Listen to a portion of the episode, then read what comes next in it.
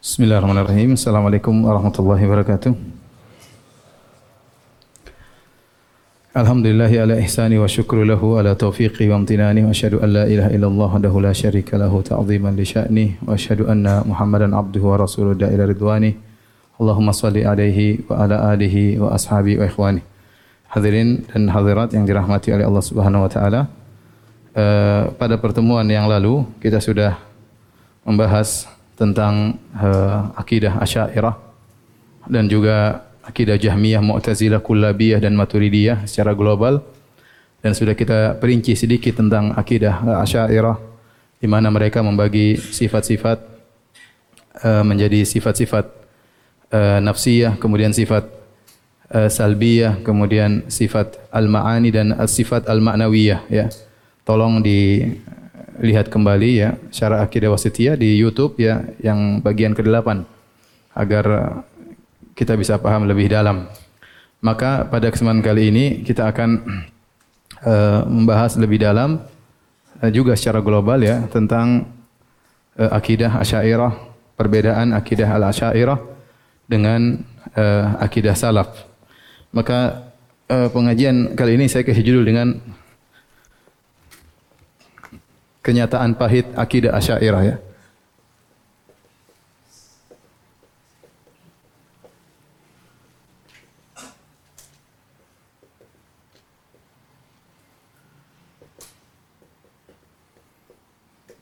uh, ada beberapa kenyataan pahit yang bisa dilihat dari ya akidah Asy'ariyah yang pertama ya, bahwasanya Asy'ariyah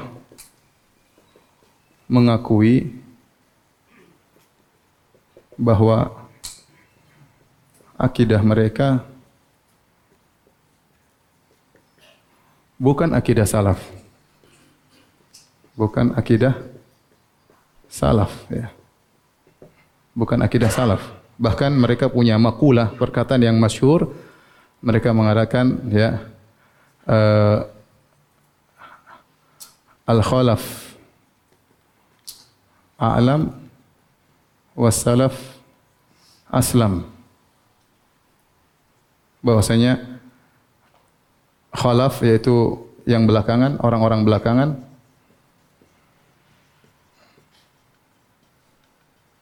lebih ngerti meskipun salaf lebih selamat. Kenapa mereka mengatakan demikian? Karena mereka menyangka akidah salaf adalah akidah tafwid. Karena mereka menyangka ya akidah salaf ini adalah akidah apa? Tafwid. Sementara mereka khalaf apa mentakwil mereka bahwasanya para salaf dahulu sibuk dengan jihad dan yang lainnya, maka mereka tidak mendalam-dalam ya. Kami para khalaf lebih ngerti tentang takwil apa? Ayat-ayat e, sifat. Adapun salaf dahulu mereka menyerahkan maknanya kepada Allah sehingga mereka melakukan apa? Tafwid. Yang benar salaf tidak tafwid ya. Sebagaimana kita e, jelaskan dan insya Allah akan ada pembahasan khusus suatu hari tentang silsilah akidah salaf. Ya, saya kemarin baru dari Madinah saya beli buku tentang akidah salaf yang diriwayatkan dengan sanad ya agar kita semakin yakin bahwasanya akidah ini bukan akidah bawaan Ibnu Taimiyah apalagi bawaan Muhammad bin Wahab tetapi akidah yang kita perjuangkan ini adalah akidah yang berasal dari para salafus saleh ya sehingga mereka mengatakan akidah kita bukan akidah apa salaf oleh karenanya oleh karenanya nisbah akidah salafiyah itu adalah nisbah yang sangat mulia Kenapa? Karena ada konsekuensinya. Mereka tidak mungkin mengatakan akidah-akidah salaf. Sampai sekarang mereka nggak berani mengatakan demikian. Karena kalau kita mereka bilang akidah kita akidah salaf, kita bilang mana salafnya? Mana sahabat yang ngomong gitu? Mana tabi'in yang ngomong gitu? Nggak akan mereka dapatkan. Kalau kita kita bisa bilang akidah banyak, dalilnya banyak, hadisnya banyak, sahabat banyak, bahkan para ulama dahulu juga banyak, Imam Bukhari di atasnya, Imam Syafi'i dan yang lainnya semuanya ada sanad-sanadnya ya. Oleh karenanya mereka ini kenyataan pahit bahwasanya akidah mereka menyelisih akidah apa? Salah. Pahit atau tidak? Pahit. Atau manis ya? Taib, saya bacakan misalnya perkataan Abu Hasan Al-Asy'ari. Abu Hasan Al-Asy'ari dalam kitabnya uh, Al-Ibanah an Usulid Diyanah ya. Buku ini adalah buku salah satu yang ditulis terakhir oleh Abu Hasan Asy'ari dan ini buku ini nisbahnya kepada Abu Hasan Asy'ari benar karena dinukil oleh uh, Ibnu Asakir dalam kitabnya Tabyun Tabyin Kadzibil Muftari ya. Tabyin uh, Kadzibil Muftari dia menukil dan saya ada juga bukunya. Dia menukil dari uh, Abu Hasan Asy'ari dan banyak dia nukil dari kitab Al-Ibanah. Sama seperti yang dicetak sekarang meskipun orang-orang Asy'ariyah mengingkari ini bukan kitabnya Abu Hasan Al-Asy'ari padahal dinukil oleh uh, Ibnu Asakir yang wafat pada tahun 571 Hijriah. Ya. Dan banyak buku selain Ibanah juga banyak buku-buku yang lain yang menyelisih akidah Asy'ariyah sekarang. Taib. Abu Hasan Al-Asy'ari berkata, "Faslun fi ibanati qauli ahli al-haq wa sunnah." Fasal tentang penjelasan tentang perkataan ahlul alul haq dan ahlu sunnah.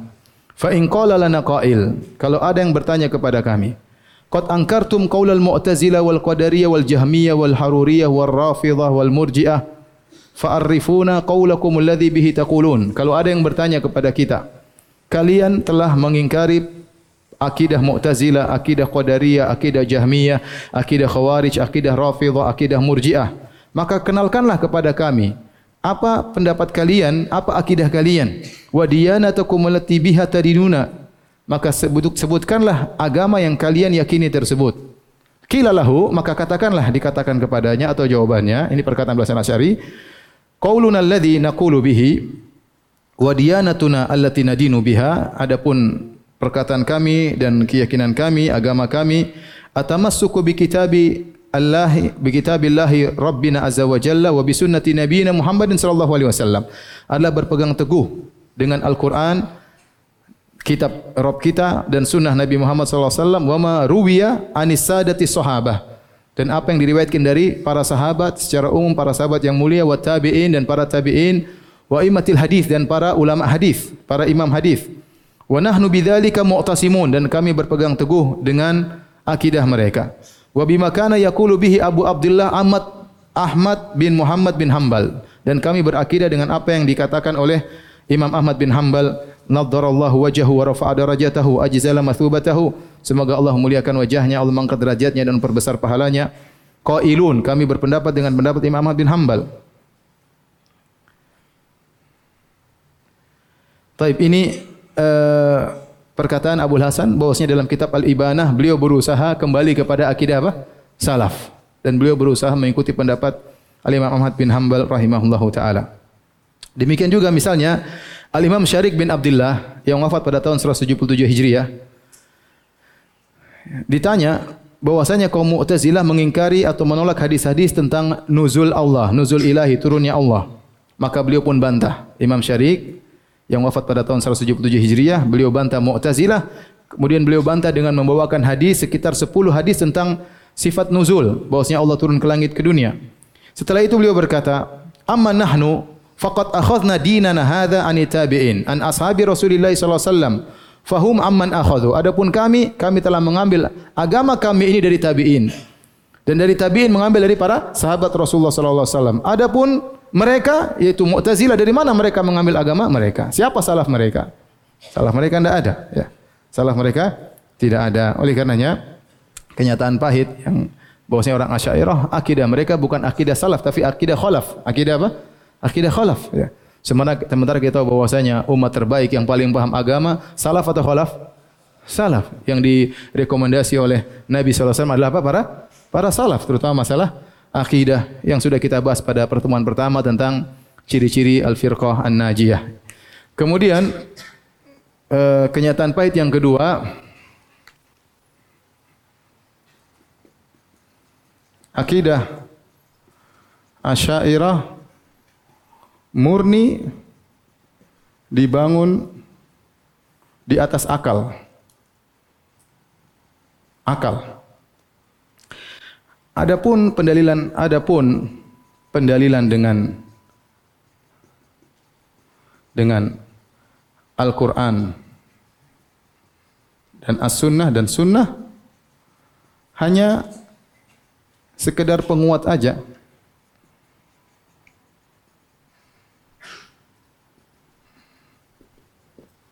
Karenanya, ya karenanya mereka punya kaidah kaidah kaidah mereka ya yang disebut dengan al-qanunul kulli al-qanun al-kulli yang disampaikan oleh Ar-Razi dalam beberapa bukunya seperti dalam kitabnya uh, Muhasal Afkar ya dan yang lainnya Al-Matalibul Aliyah ya undang-undang komprehensif, undang-undang umum yaitu apa? Taqdimu al-aql ala nakal. Mendahulukan dahulukan akal daripada dalil. Adapun akidah salaf dibangun di atas apa? Dalil. Akal tunduk kepada apa? Dalil, bukan sebaliknya. Dan ini adalah warisan dari Mu'tazilah. Warisan dari Mu'tazilah, oleh karenanya uh, takdimul akal ala nakal dibahas secara detail juga oleh uh, Al-Qadhi Abdul Jabbar, tokoh Mu'tazilah dalam kitabnya Syarah Al-Usul Al-Khamsah. Bagaimana beliau mentakrir menjelaskan bahwasanya kalau akal bertentangan dengan dalil, maka yang didahulukan adalah apa? Akal. Ya. Saya bacakan uh, perkataan misalnya Ar-Razi ya dalam kitabnya Ma'alim Usuluddin beliau berkata setelah beliau menyebutkan 10 perkara yang beliau menjelaskan dalil-dalil Al-Quran maupun Sunnah, ya, gara-gara 10 perkara tersebut, maka hanya memberikan faedah persangkaan, zonni, bukan keyakinan. Beliau berkata, wa idza sabata hadza. Kalau tetap perkara ini bahwasanya dalil-dalil Al-Quran dan Sunnah, penunjukannya, kepastiannya hanyalah persangkaan tidak pasti, Zahara anna dalail naqliyah dhanniyah. Maka nampak jelas bahwasanya dalil-dalil nakal yaitu Al-Qur'an dan Sunnah hanyalah dhanniyah. Dhanniyah itu dugaan, tidak pasti. Ya. Wa annal aqliyata qat'iyatun. Adapun dalil-dalil akal itu yang pasti. Itu yang apa? Pasti. Wa dhannu la yu'aridul qata'. Maka yang dhon tidak bisa melawan yang pasti. Paham? Jadi dalil Al-Qur'an dan Sunnah tidak boleh dilawan dengan apa? Akal. Karena akal itu suatu yang pasti. Di sini dia mendahulukan akal daripada dalil. Kemudian beliau berkata lagi, ya, dalam kitabnya Nihatul Uqul, beliau berkata, "Fa kharaja mimma dzakarna" Maka kesimpulan dari apa yang telah kami sebutkan, annal adillatan naqliyah la yajuzu tamassuku biha fil masailil ilmiyah. Maka dalil-dalil nakal Al-Qur'an dan Sunnah tidak boleh dijadikan pegangan dalam masalah akidah. Berarti kan? Dia bilang makanya dalil-dalil nakal yaitu Al-Qur'an dan Sunnah tidak boleh dijadikan tamassuk biha tidak boleh dijadikan pegangan untuk masalah-masalah ilmiah maksudnya masalah-masalah apa? Akidah. Bahkan Al-Amidi ya, dalam kitabnya Abkarul Afkar Beliau mengkritik orang yang berdalil dengan Al-Quran dan Sunnah. Beliau mengkritik orang yang berdalil dengan Al-Quran dan Sunnah dalam menetapkan sifat-sifat as-sama' wal basar. Apa kata beliau? Wa rubbama istarwaha ba'dul ashabi fi itsbati sama' wal basar lillahi ta'ala ila dhawahiri ila dhawahira waridatin fil kitabi wa sunnah. Dan terkadang bisa jadi sebagian teman-teman kita yaitu para ulama Asy'ariyah mereka uh, condong kepada menetapkan sifat mendengar dan melihat bagi Allah dengan zahir daripada dalil-dalil yang datang dalam Al-Quran dan Sunnah. Kemudian beliau katakan wahiyya ghairu mufidatin lil padahal dalil tersebut tidak memberikan keyakinan. Dia dikritik ini. Kenapa ente berdalil dengan Al-Quran apa? Sunnah dalam masalah akidah. Padahal Al-Quran dan Sunnah tidak memberikan apa? Keyakinan. Wala khurujalaha anidh dhann wat takhmin dan tidak bisa keluar Al-Quran dan Sunnah dari hanya persangkaan dan dugaan. Wa tamassuku bima hadha sya'nuhu fi itsbati sifatin nafsiyah wa ma yutlabu fihi al-yaqin mumtani'.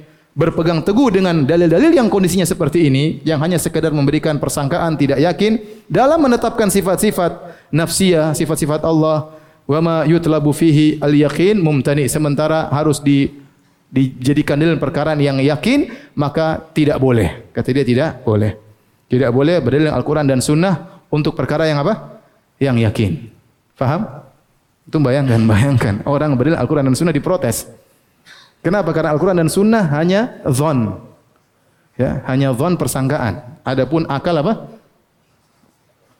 Pasti. Akalnya, akale, akale sopo. Taib. Kesalahan mereka, kita bantahan secara singkat. Bantahan. Pertama, mereka salah salah dalam dua hal. Pertama, menjadikan akal sebagai apa? Sebagai dalil. Padahal akal bermacam-macam, akal bertingkat-tingkat. Ya, akal bertingkat-tingkat. Kalau kita menjadikan akal sebagai dalil, akal siapa yang menjadi apa? Dalil. Taib akalnya Asy'ariyah kah? Akalnya Jahmiyah kah? Akalnya Mu'tazilah kah? Akalnya Maturidiyah kah? Akalnya Kulabiyah? Mereka saja semua pakai akal, mereka berselisih, ya atau tidak? Asy'ariyah juga mana? Asy'ariyah akalnya Asy'ariyah mutaqaddimin kah? Asy'ariyah mutaakhirin. Asy'ariyah mutaakhirin juga berselisih. Akalnya siapa yang mau dipakai? Seandainya akal cuma satu model, silahkan berdalil dengan akal. Tapi akal ternyata ukul mutafawita kata Syekh Islam Taimiyah. Akal bertingkat-tingkat. Gimana Anda menjadikan akidah Anda dibangun di atas apa? Akal.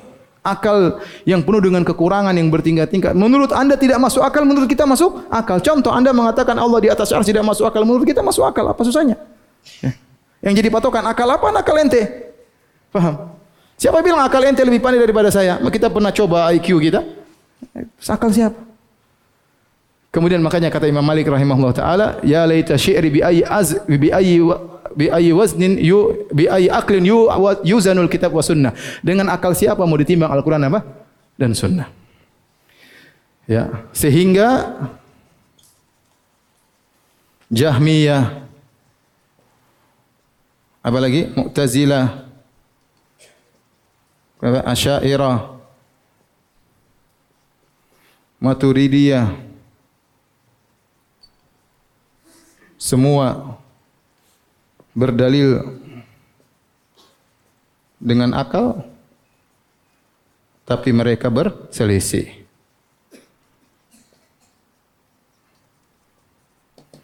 Yang kedua, mereka salah dalam menjadikan akal falasifah sebagai patokan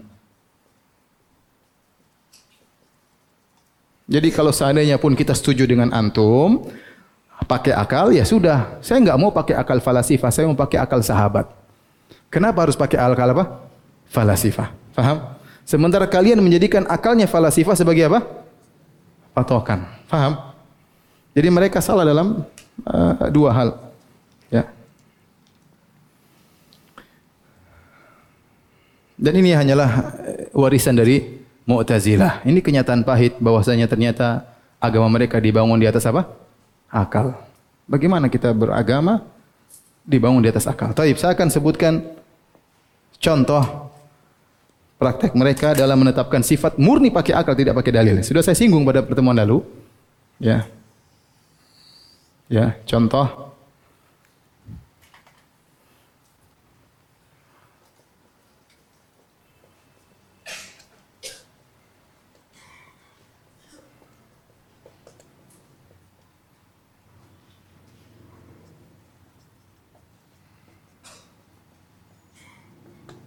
Sudah kita singgung pada pertemuan lalu bahwasanya Asy'ariyah pada hakikatnya cuma menetapkan berapa sifat? Tujuh. Hanya tujuh saja, enggak ada yang lain. Yang sisanya uh, hanya sekedar penerak penjelasan. Hanya sekedar apa? Penjelasan. Yang dia tetapkan hanya tujuh ditambah satu sifat nafsiyah zat jadi delapan. Tapi intinya sifat selain zat cuma apa? Tujuh yang disebut dengan sifatul ma'ani, sifat-sifat ma'ani. Uh, Mereka tidak usah pakai dalil, mereka tidak perlu pakai dalil, hanya pakai akal. Taib.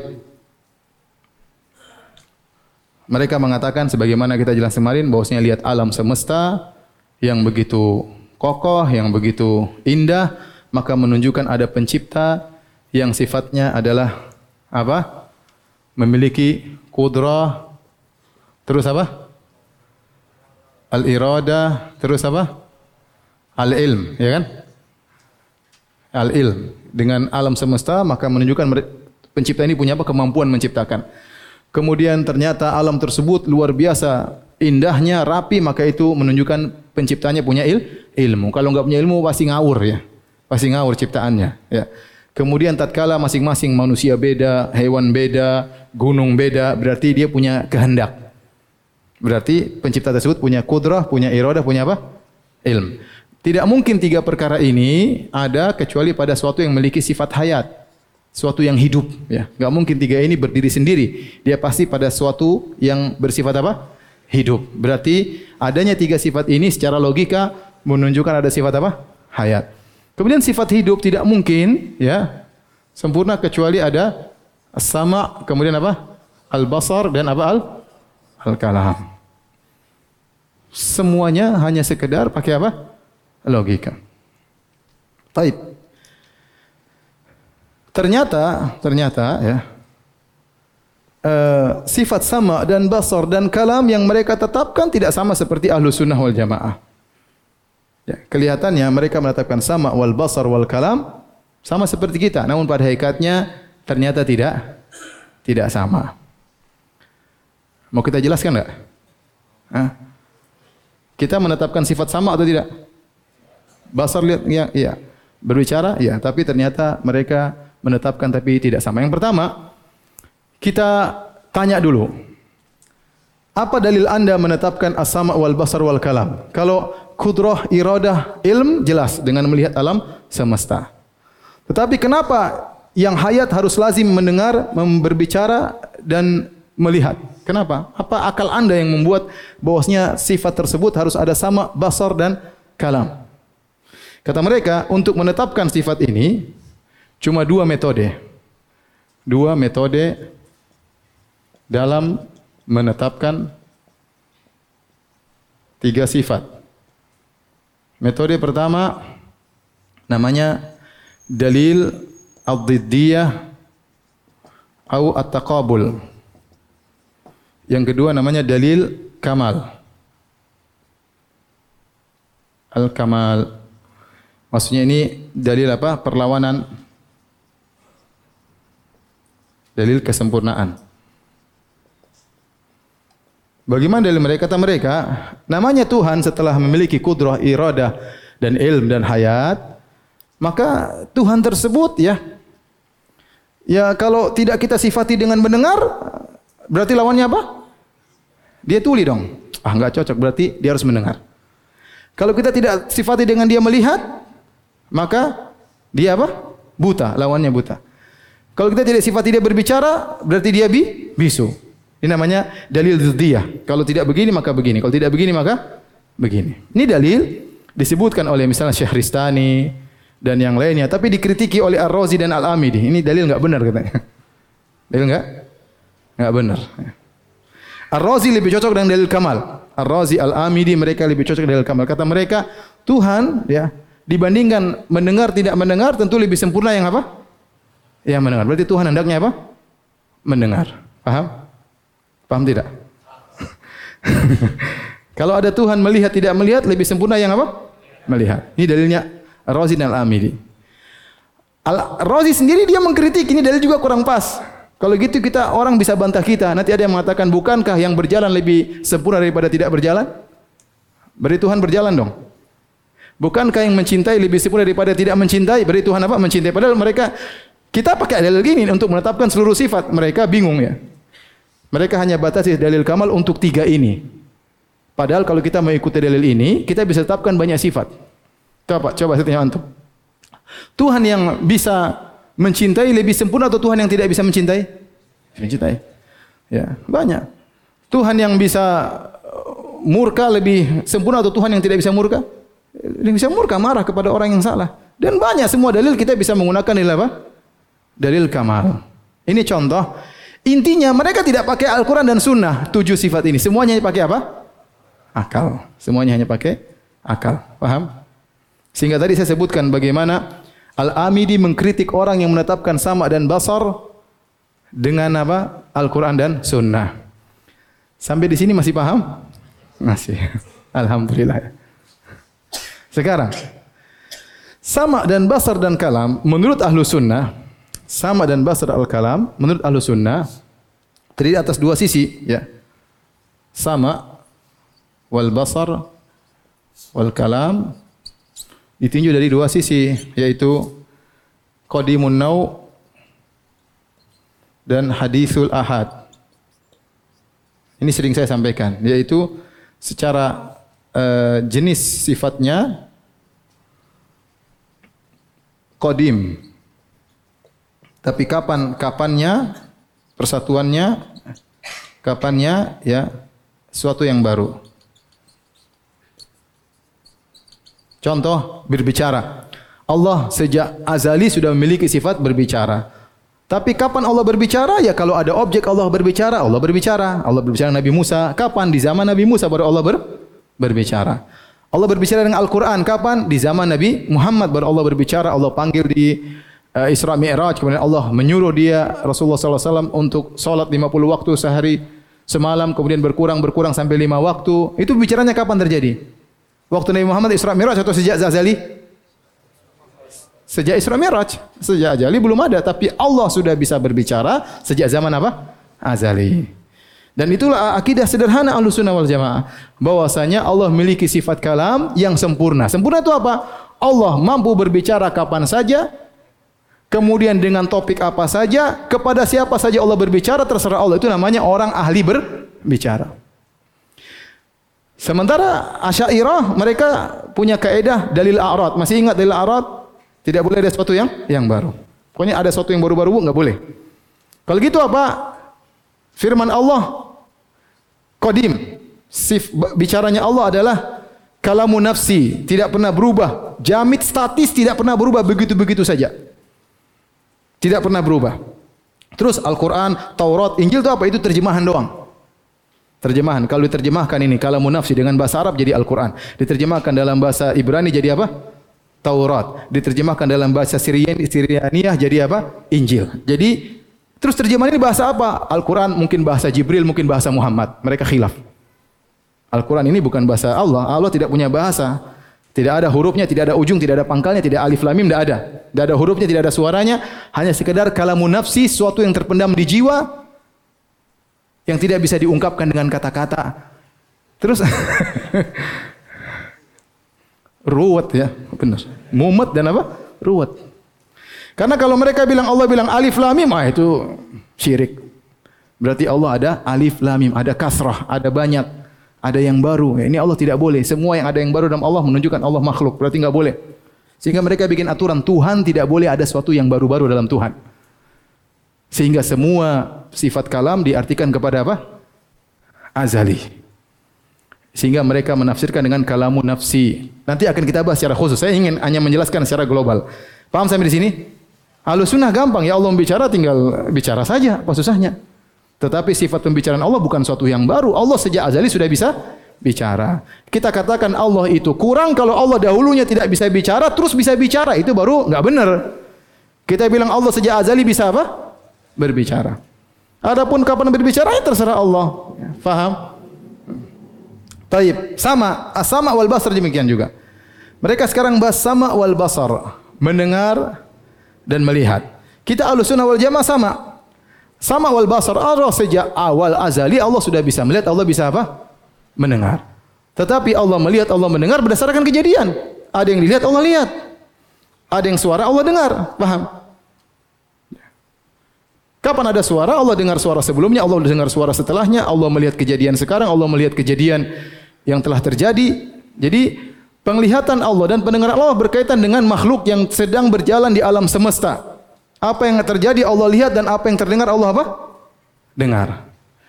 Sekarang saya ngomong ini Allah sedang mendengar atau tidak? Selesai. Kalau Asy'ariyah nggak bisa. Kalau Allah sedang mendengar sekarang berarti suatu yang baru. Dulu Allah belum dengar perkataan saya. Berarti kalau Allah dengar sekarang syirik. Paham? Ruwet atau tidak?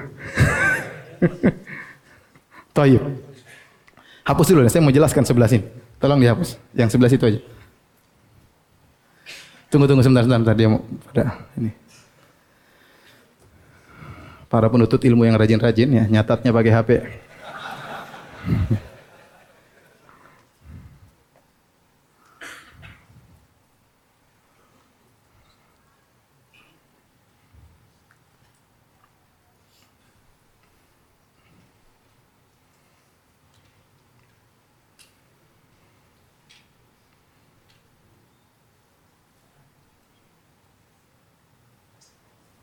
Oke, sudah tolong dihapus.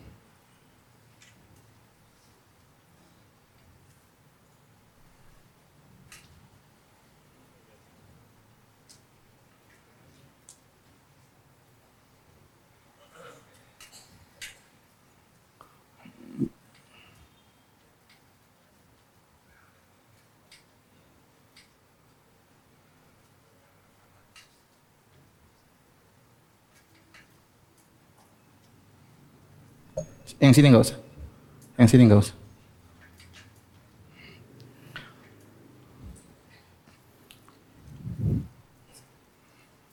Oke, sudah cukup, cukup. Taib, kita lanjutkan ya. Sekarang as-sama wal basar.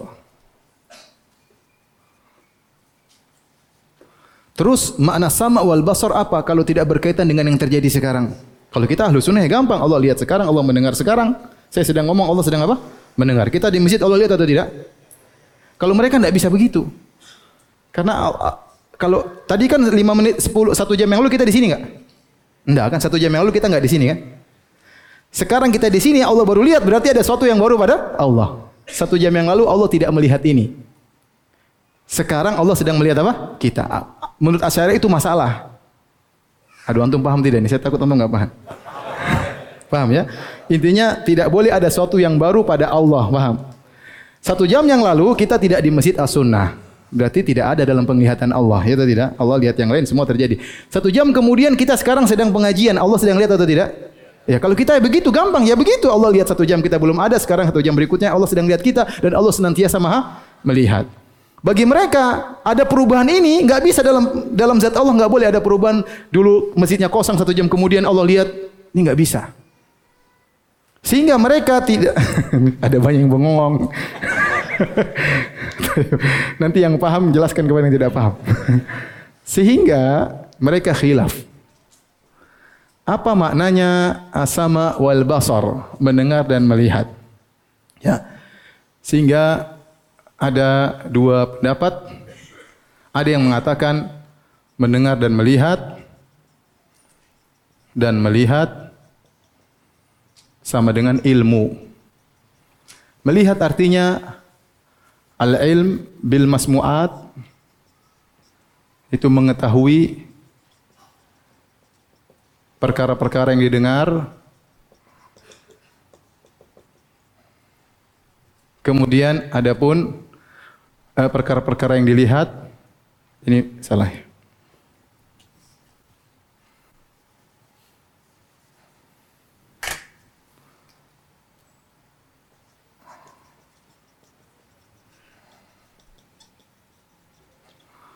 Adapun melihat adalah al-ilm bil mubsarat. Mengetahui perkara-perkara yang dilihat. Khilaf di antara mereka. Sebenarnya mereka mengatakan tidak bisa. Masa kita bilang sama wal basar sama dengan ilmu? Ilmu yang lebih khusus kalau ilmu umum, ilmu tentang yang terdengar namanya sama mendengar. Ilmu tentang yang dilihat namanya apa? Melihat ya basar. Ah, sebagian mereka enggak setuju. Masa sama wal basar sama dengan ilmu? Enggak, sama dan basar bukan ilmu. Sama wal basar artinya uh, ziyadah al-inkishaf. Inkishaf fil ilm yaitu tambahan tambahan kejelasan dalam ya uh, mengetahui perkara yang didengar didengar dan perkara yang dilihat.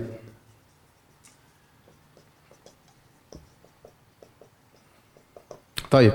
Intinya pendapat yang kedua ini juga tidak ada bedanya yang pertama. Karena ini juga ziyadatul inkishaf, dia ingin membedakan ilmu dengan sama dan basar. Karena dalil membedakan antara sama dan melihat dengan ilmu. Ilmu sifat tersendiri, sama dan basar sifat tersendiri. Nah kalau ternyata sama dan basar disifatkan dengan ilmu, ngapain kita tambah ini? Paham? Ini dicoret aja kalau begitu. Gak ada faedahnya karena kembali kepada apa? Ilmu. Paham? Seakan-akan sama dan basar ilmu khusus. Kalau ilmu umum mencakup segalanya, sama ilmu tentang pendengaran. Basar ilmu tentang yang dilihat. Sehingga sebagian mereka kalau gitu jangan kita bikin tak definisi sendiri yaitu tambahan ilmu. Apa bedanya juga? Enggak ada bedanya, paham? Taib. Bagaimana bantannya? Bantannya banyak. Semua ini kenapa? Semua ini supaya jangan kita bilang jangan sampai penglihatan Allah berkaitan dengan sesuatu yang berubah-ubah. Kan pemandangan ini berubah-ubah kan? Satu jam lalu kita enggak sini, sekarang sini, sebentar lagi kita buyar.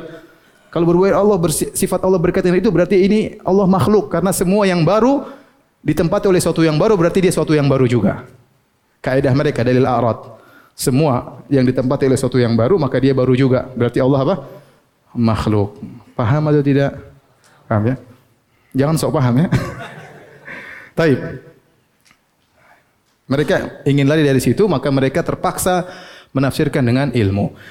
Bantahannya mudah, Allah Subhanahu wa taala dalam Al-Qur'an mengatakan wa huwas samiul alim. Bantahan.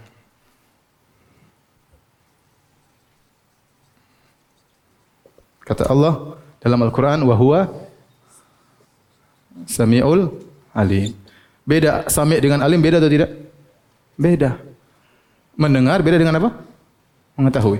Kemudian dalam hadis riwayat Abu Dawud, hadis Abu Hurairah, hadis riwayat Abu Dawud, Kata Nabi SAW, hadis ini di sanatnya disahihkan oleh Ibnu Hajar dalam Fathul Bari dan dia mengatakan sanaduhu qawi ala syarti Muslim. Sanatnya kuat berdasarkan kriteria sahih Muslim. Hadisnya bagaimana? Hadisnya begini. Abu Hurairah Nabi baca firman Allah, "Inna Allah ya'murukum an tu'addul amanati ila ahliha wa idza hakamtum bainan nasi an tahkum bil adl. Inna Allah ni'ma ya'idukum bih, inna Allah kana samian basira." Kata Allah, kata Nabi baca firman Allah surat An-Nisa, sungguhnya Allah memerintahkan kalian untuk menunaikan amanah, dikembalikan kepada pemiliknya. Kalau kalian berhukum, maka hukumlah dengan adil. Sungguhnya ini sebaik-baik peringatan nasihat kepada kalian. Inna Allah kana samian basira di akhirat kata Allah sungguhnya kata Nabi kata Allah dalam Al-Qur'an sungguhnya Allah samian basira maha mendengar lagi lagi maha melihat. Kata Abu Hurairah, "Fara'aitu Rasulullah sallallahu alaihi wasallam ya yadha'u ibhamahu ila udhunihi wallati taliha ila ainihi. Aku mendengar Nabi waktu baca ayat itu aku melihat Nabi meletakkan jempolnya di telinganya dan jadi telunjuknya di matanya. Waktu Nabi mengatakan, sungguhnya Allah maha mendengar lagi maha melihat. Subhanallah. Nabi mengisyaratkan kepada telinga dan apa? Mata. Itu yang Nabi lakukan. Nabi mengatakan, sungguhnya Allah maha mendengar lagi maha melihat. Nabi tunjukkan telinga dan apa? Mata. Hadis ini sahih. Seandainya mendengar dan melihat maknanya ilmu, tentu Nabi mengatakan sungguhnya Allah Maha mendengar lagi Maha melihat. Faham? Karena ilmu tempatnya di mana? Di hati. Faham? Tapi Nabi mengatakan mendengar dan melihat berarti memang Allah melihat dan mendengar dan bukan sifat ilmu. Beda. Bantahan ketiga. Semua orang bisa semua orang bisa membedakan membedakan antara mendengar dan mengetahui. Demikian juga melihat dan mengetahui. Contoh. Contoh. Ada orang orang tuli, orang tuli dia melihat seseorang sedang berbicara.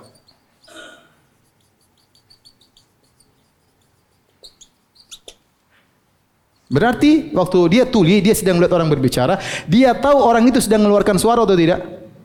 Dia tahu, tapi dia dengar? Dia nggak dengar. Paham? Tapi dia tahu orang itu sedang apa? Berbicara ada suaranya dia tahu. Berarti dia mengetahui ada suara, tapi dia tidak mendengar apa? Suara. Jadi beda antara mendengar dan mengetahui. Contoh berikutnya, orang buta. Orang buta, dia tahu ada kamu depan dia. Dia pegang, oh, Firanda ya. Oh iya, dia tahu. Dia tahu nggak ada sesuatu yang terlihat depan dia? Ada. Ada, dia tahu. Tapi dia tidak me melihat. Berarti mendengar dengan mengetahui berbeda. Jangan disamakan. Paham? Antum nggak paham? Saya ulangi. Jadi secara logika orang bisa membedakan antara mendengar dan mengetahui. Mengetahui tidak melazimkan mendengar. Paham? Orang tuli, dia lihat orang sedang ngomong, dia lihat orang trompet-trompet, itu lagi ada suara trompet itu, pokoknya. Tapi bel-bel, dia tahu ada suara di situ, tapi dia tidak bisa men mendengar. Sementara orang buta, dia bisa pegang, oh ini mobil, oh ini kucing. Dia tahu ini perkara-perkara semua bisa dilihat. Dan dia tahu perkara-perkara tersebut, tapi dia tidak bisa me melihat. Sementara mereka mengatakan Allah tidak boleh melihat karena kalau Allah melihat kucing loncat semua ini perubahan-perubahan ini. Tidak boleh dalam Allah ada perubahan. Allah harus statis, tidak boleh dinamis.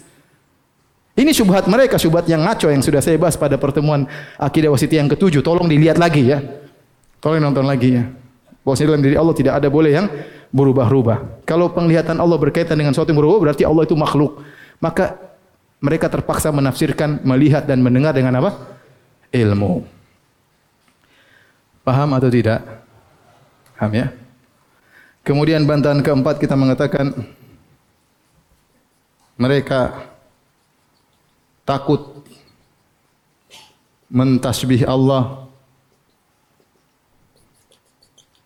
dengan manusia yang melihat dan mendengar.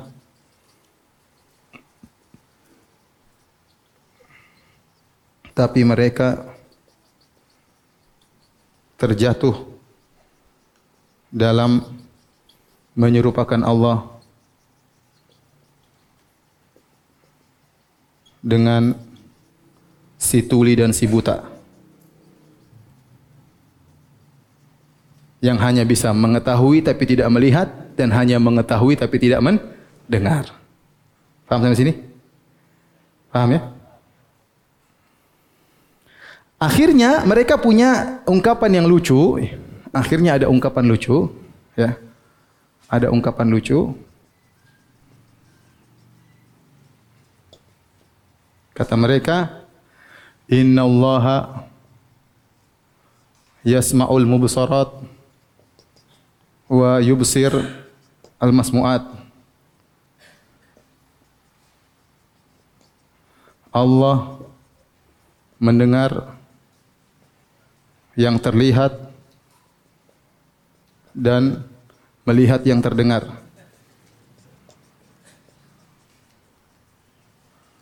Ya, mereka punya ungkapan demikian.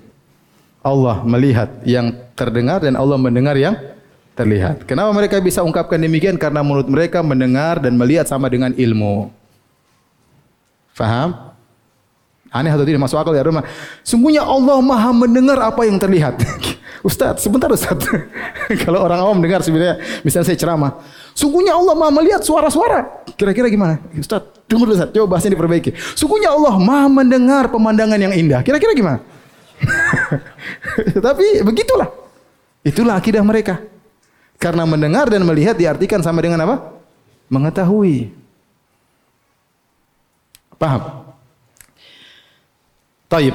Bantahan berikutnya. Intinya mereka tetap mengkaitkan mendengar al-masmuat ini makhluk atau bukan? Yang terdengar itu makhluk atau bukan? Makhluk. Yang terlihat makhluk atau bukan? Makhluk. Berarti sifat mendengar dan melihatnya Allah mereka tarik kepada sifat zatiyah yaitu sifat azali. Mendengar mendengar dan melihatnya Allah itu apa? Azali. Karena tidak boleh ada perubahan-perubahan mendengar suara baru enggak boleh. Kemudian melihat yang baru-baru nggak boleh. Jadi mendengar dan melihatnya Allah itu sifat apa? Statis, azali. Tidak ada dinamis. Faham? Sama seperti sifat kalam. Statis selalu. Taib. Kita bantah gimana? Kita bilang, bukankah mendengar Allah berkaitan dengan makhluk yang terdengar, suara dan semisalnya? Iya. Bukankah melihatnya Allah berkaitan dengan perkara-perkara yang terlihat dan itu juga makhluk? Taib. Kalau mendengarnya Allah dan mendengarnya melihatnya Allah sejak azali, Makhluk-makhluk itu dulu sudah ada sejak azali atau tidak? Lah terus kenapa dibilang sedang mendengar dan melihat sementara yang dilihat dan didengar belum ada? Antum paham nggak bantahannya? kan kata mereka bahwasanya mendengar maksudnya mengetahui tentang hal, -hal yang didengar. Melihat maksudnya mengetahui sesuatu yang di, dilihat. Dan dua sifat ini mendengar dan melihat azali sejak dulu nanti pernah berubah. Taib. Waktu sifat itu di zaman azali. Yang didengar atau dilihat sudah ada atau belum? Nah, terus ini gimana? Akhirnya Ar-Razi berusaha mentakwil. Dia bilang, enggak. Maksudnya waktu itu Allah siap untuk mendengar dan siap untuk apa? Melihat di zaman azali. Nanti ada yang didengar dan dilihat baru Allah melihat dan mendengar. Taib ini solusi dari Ar-Razi. Dibantah oleh Ibn Taimiyah, taib. Bukankah waktu Allah siap melihat berbeda dengan Allah sudah melihat? Berarti ada perubahan enggak? Sama aja enggak boleh. Ruwet atau tidak? Ruwet. Begitulah akidah mereka. Rumit. Saya makanya saya ragu orang Asy'ariyah paham tentang akidah mereka atau tidak saya ragu. Saya pernah nonton di YouTube dia berusaha jelaskan tapi dengan cepat sehingga tidak beri kesempatan untuk bertanya. Entah dia paham atau tidak, apalagi murid-muridnya. Paham? Antum aja ya, paham nggak? Saya nggak tahu juga. Antum tahu bantahannya tadi ya? Bantahan kelima, bantahan kelima tadi ya. Sifat mendengar dan melihat azali menurut Asy'ariyah. Padahal kedua sifat tersebut berkaitan dengan makhluk yang terdengar makhluk yang terdengar seperti suara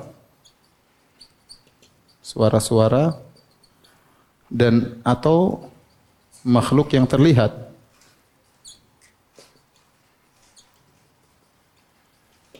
Maka melazimkan.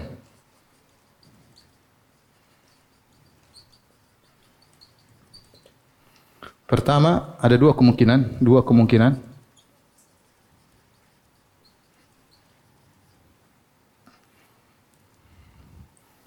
Pertama, kedua sifat azali tersebut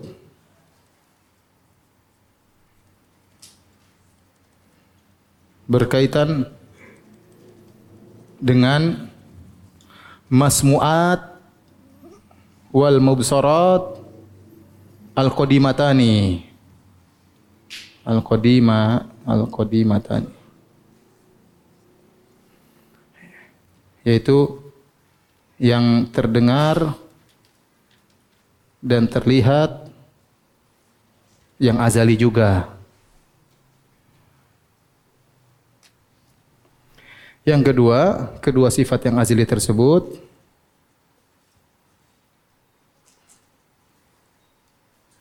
berkaitan dengan suatu yang tidak ada.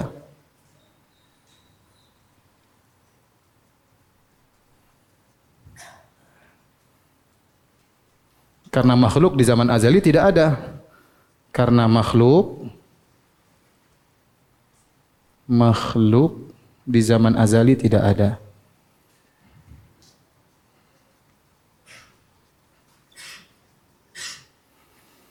Paham? Saya ulangi, mereka menafsirkan bahwasanya e, mendengar dan melihat itu hanya sifat apa? Ilmu dan ilmu tersebut apa? Azali, paham? Dan namanya mendengar yaitu ilmu tentang yang terdengar dan melihat ilmu tentang yang terlihat. Kita bilang di zaman azali, sifat mendengar dan melihat itu ada enggak? Oh, ada sejak zaman azali, statis tidak pernah berubah. Loh, padahal yang terdengar dan terlihat belum ada waktu itu. Paham? Terus gimana? Apakah yang terdengar yang terdengar dan terlihat juga azali bersama dua sifat tersebut? Atau yang terdengar dan terlihat tidak ada? Kalau ini berarti tidak masuk akal. Mereka akan lari ke sini dan ini juga tidak masuk akal. Ini tidak masuk akal. Maka Rozi punya jalan keluar tadi apa? Maksudnya di zaman azali dua sifat itu siap untuk mendengar, siap untuk mengetahui yang terdengar dan siap untuk mengetahui yang ter terlihat. Kita bilang toyib. Ini dua bahaya. Berarti pertama Allah belum bisa melihat baru bersiap, ya. Kemudian baru sekarang memiliki sifat mengetahui yang terlihat dan terdengar. Ini berarti Allah dulunya kurang menjadi sempurna. Bantahan kedua, taruhlah dua-duanya sempurna, Allah bersiap dan Allah sudah melihat, berarti ada perubahan atau tidak? Padahal kalian tidak mau ada perubahan dalam zat Allah. Paham bantahannya? Paham tidak? Saya mau tulis enggak cukup.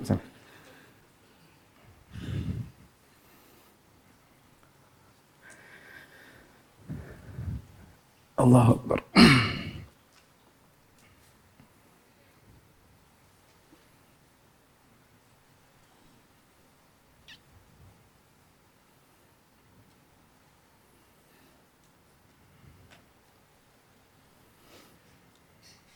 Antum ulang-ulang di rumah ya. diulang lagi, diulang lagi. Insya Allah kalau nonton dua kali, insya Allah paham. Saya harus menyampaikan ini karena sekarang syubhat tersebar. Ya, antum harus tahu bahwasanya akidah salaf akidah yang apa? Yang benar. Jangan terpedaya dengan perkara yang mereka mengatakan masuk akal. Kita akan bantah justru akidah mereka tidak masuk akal. Paham? Mereka berdalil dengan akal, justru akidah mereka tidak masuk tidak masuk akal.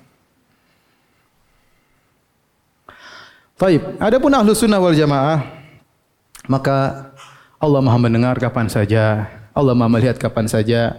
Seperti Allah berfirman, Wa kuli amalu fasayarallahu amalakum. Beramalah kalian, Allah akan melihat amal kalian. Berarti Allah belum lihat kan? Kata Allah beramalah, Allah akan melihat amal kalian. Berarti ini kalau kalian beramal Allah lihat.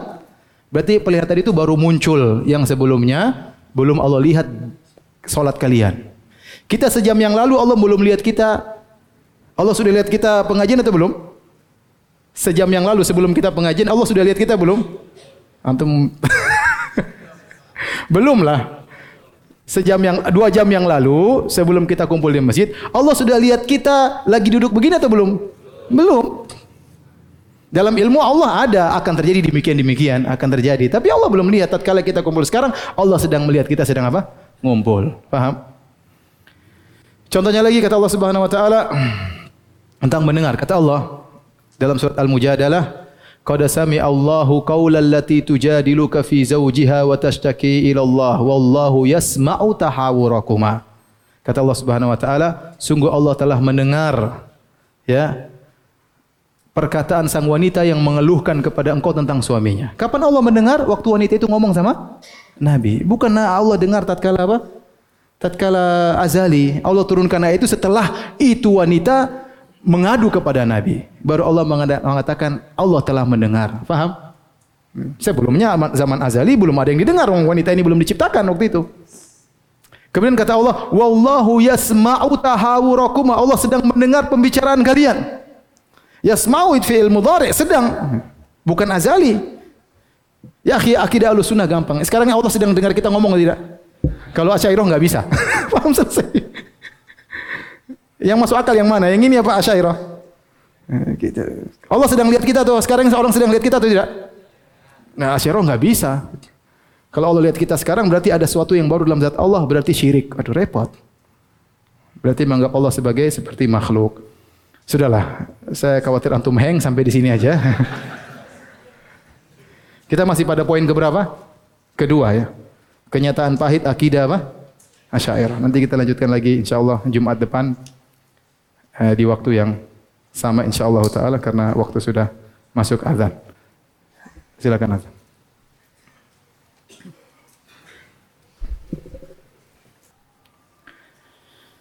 Eh, sebelum kita ah, menjawab pertanyaan, saya ingatkan di antara dalil mereka kenapa kita harus menggunakan akal didahulukan daripada Al-Quran dan Sunnah. Kata mereka, karena akal adalah asal, adapun Al-Quran dan Sunnah adalah cabang. Jika bertentangan antara asal, pokok dan cabang, maka didahulukan pokok dan cabang dikalahkan. Dan ini disampaikan oleh uh, Al-Qadhi Abdul Jabbar, seorang tokoh Mu'tazil dalam kitabnya Syarh Usul Khamsah. Jadi kata mereka, kenapa kita bisa beriman adanya Tuhan? Kita bisa meyakini adanya Tuhan karena akal kita yang menuntun kita sehingga kita tahu adanya apa? Tuhan. Paham? Kenapa kita percaya sama Tuhan? Karena kita tidak percaya kepada Tuhan kecuali karena akal yang menunjukkan kita akan adanya Tuhan. Berarti akal merupakan landasan, adanya Tuhan merupakan apa?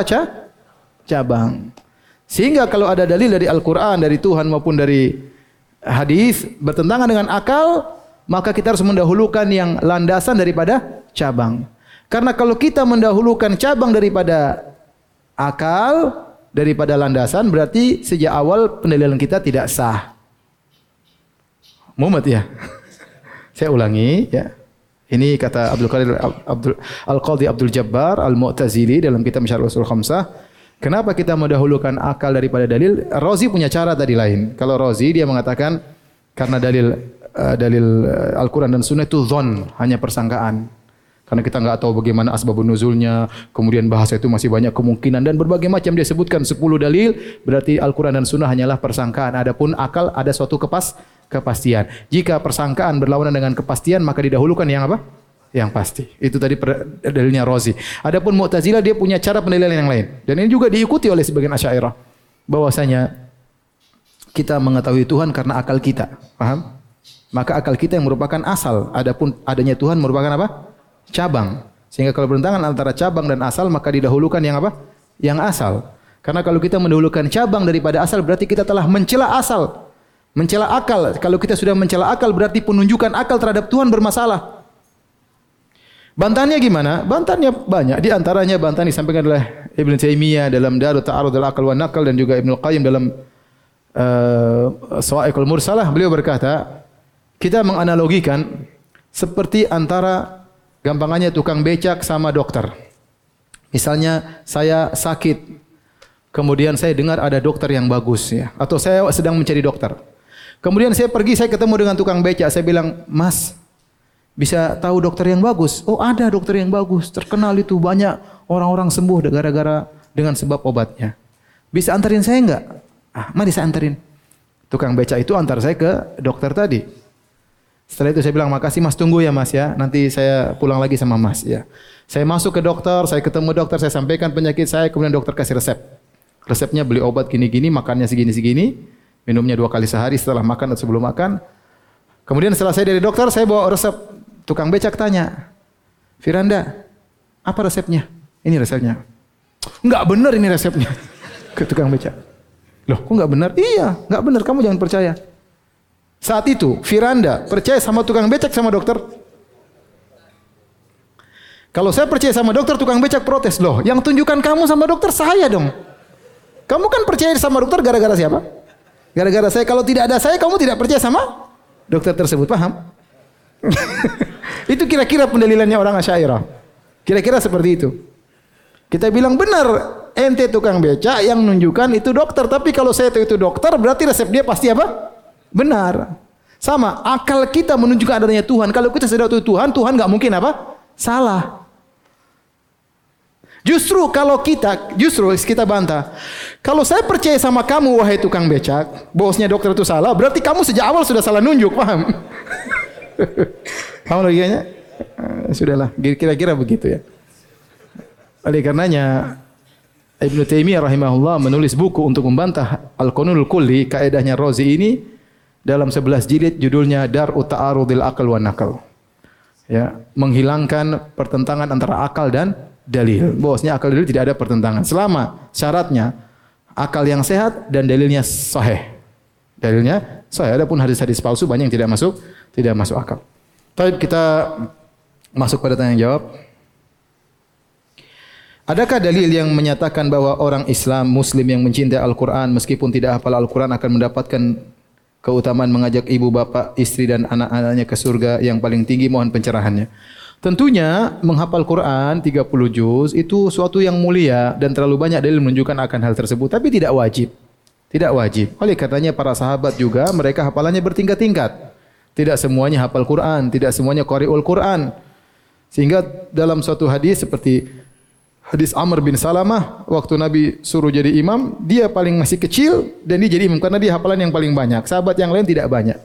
Sehingga waktu itu sarungnya pendek. Waktu dia ruku kelihatan siang terlihat ya. Sehingga ibu-ibu protes.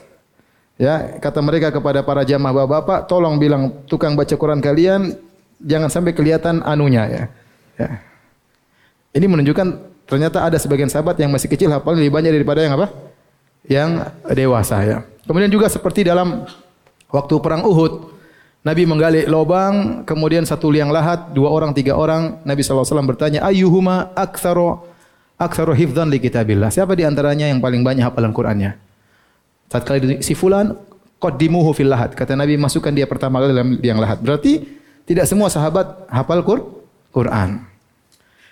Dikarenanya menghafal Quran 30 juz tidak tidak wajib. Yang bisa hafal alhamdulillah, tidak hafal juga tidak tidak wajib bagi seorang. Yang penting seorang berusaha menghafal Al-Qur'an, berusaha menghafal semampunya, kemudian mengamalkan isi daripada Al-Qur'an. Apakah kalau dia tidak hafal Quran dia bisa membawa orang tuanya ke surga yang tinggi? Mungkin, mungkin karena Allah berfirman dalam Al-Qur'an dalam surat At-Tur, walladzina amanu wattaba'athum dzurriyyatuhum biimanin alhaqna bihim dzurriyyatahum wa ma alatnahum min amalihim min syai dan orang-orang yang beriman kata Allah Allah tidak mensyaratkan hafal Quran enggak hafal Quran. Allah hanya mengatakan dan orang-orang yang ber, beriman. Kemudian diikuti oleh keturunan mereka yang juga beriman alhaqna bihim dzurriyyatahum maka anak-anak mereka akan diangkat sejajar dengan mereka di surga. Kata para ulama maksudnya apa? Dengan keberkahan orang tua, kalau ada anak mereka beriman, meskipun keimanan mereka tidak setara dengan orang tua, bisa diangkat derajatnya bersama dengan orang tua dalam satu apa eh, derajat surga, dalam satu derajat surga. Kata Allah, "Wa ma alatnahum min amalihim min syai." Untuk mengangkat anak-anak kepada derajat orang tua tidak perlu mengurangi derajat orang tua. Kalau kita pakai logika harusnya Misalnya orang tua derajat 10, anak derajat 2. Untuk pindah ke derajat 5, orang tua turun. Pahalanya kasihkan anak-anak supaya anak-anak juga naik. Sehingga ketemu derajat nomor 6 misalnya. Tapi kenyataannya tidak demikian kata Allah, "Wa ma alatnahum min amalihim min syai'." Kami tidak mengurangi derajat orang tua sama sekali. Anak yang di derajat 2 dinaikkan ke derajat 10 bersama orang orang tua. Nah, kata para ahli tafsir bahwasanya makna zuriyah bisa jadi keturunan, bisa jadi orang tua. Jadi zuriyah itu bisa artinya anak-anak, bisa jadi orang tua. Seperti firman Allah surat Yasin ya. Uh, uh, wa ayat, wa ayat uh, apa namanya? wa ayatul lahum anna hamalnahum amma hamalna dzurriyyatahum fil fulkil mashhul. Di antara tanda-tanda kebesaran kami, kami mengangkut dzurriyyatahum maksudnya nenek moyang mereka, yaitu Nabi Nuh alaihissalam di atas apa namanya kapal ya. Berarti zuriyah bisa artinya juga apa? orang tua. Berarti bisa jadi anak-anak di tingkat 10, orang tua di tingkat 2 dengan karunia Allah pemuliaan terhadap anak-anak ini akhirnya orang tua terangkat ke level 10 juga. Faham? Jadi antum, ya maksud saya, aset paling besar adalah anak-anak. Antum harus serius mendidik anak-anak antum ya. Semaksimal mungkin anak-anak berusaha menjadi orang-orang yang soleh harus lebih baik daripada kita. Kita sudah terlanjur qadarullah ya. kita ya kita dulu zaman tidak seperti zaman sekarang. Dulu nggak ada pengajian, nggak ada. Sekarang alhamdulillah sarana untuk belajar banyak, pondok juga banyak. Tinggal kita motivasi dengan cara yang bijak dalam didik anak-anak. Jangan juga maksa mereka berlebihan sehingga di luar daripada kemampuan mereka. Tapi intinya untuk mengangkat orang tua pada derajat yang tinggi tidak harus hafal Quran. Keimanan bisa diperoleh dengan banyak cara. Seorang bisa menjadi beriman dengan banyak solat malam, seorang bisa beriman dengan akhlak yang mulia, seorang bisa beriman dengan banyak bersedekah, seorang bisa beriman dengan hafal Quran, seorang bisa beriman dengan berdakwah, seorang bisa beriman dengan berbakti kepada orang tua banyak.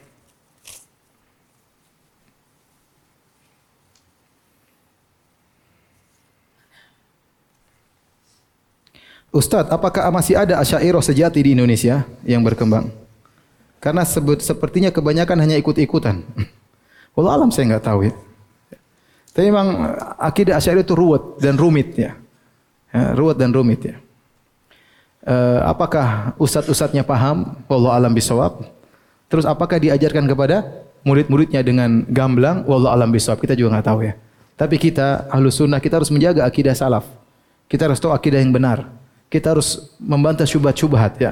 Semampu, semampu, kita. Yang ikut ada ikut alhamdulillah enggak ada enggak ada itu urusan Allah Subhanahu wa taala. Tugas kita hanya menyampaikan akidah salaf harus dijaga. Ya, mau dijaga oleh kita atau yang lainnya Allah akan kirimkan para penjaga-penjaga yang akan menjaga akidah akidah salaf.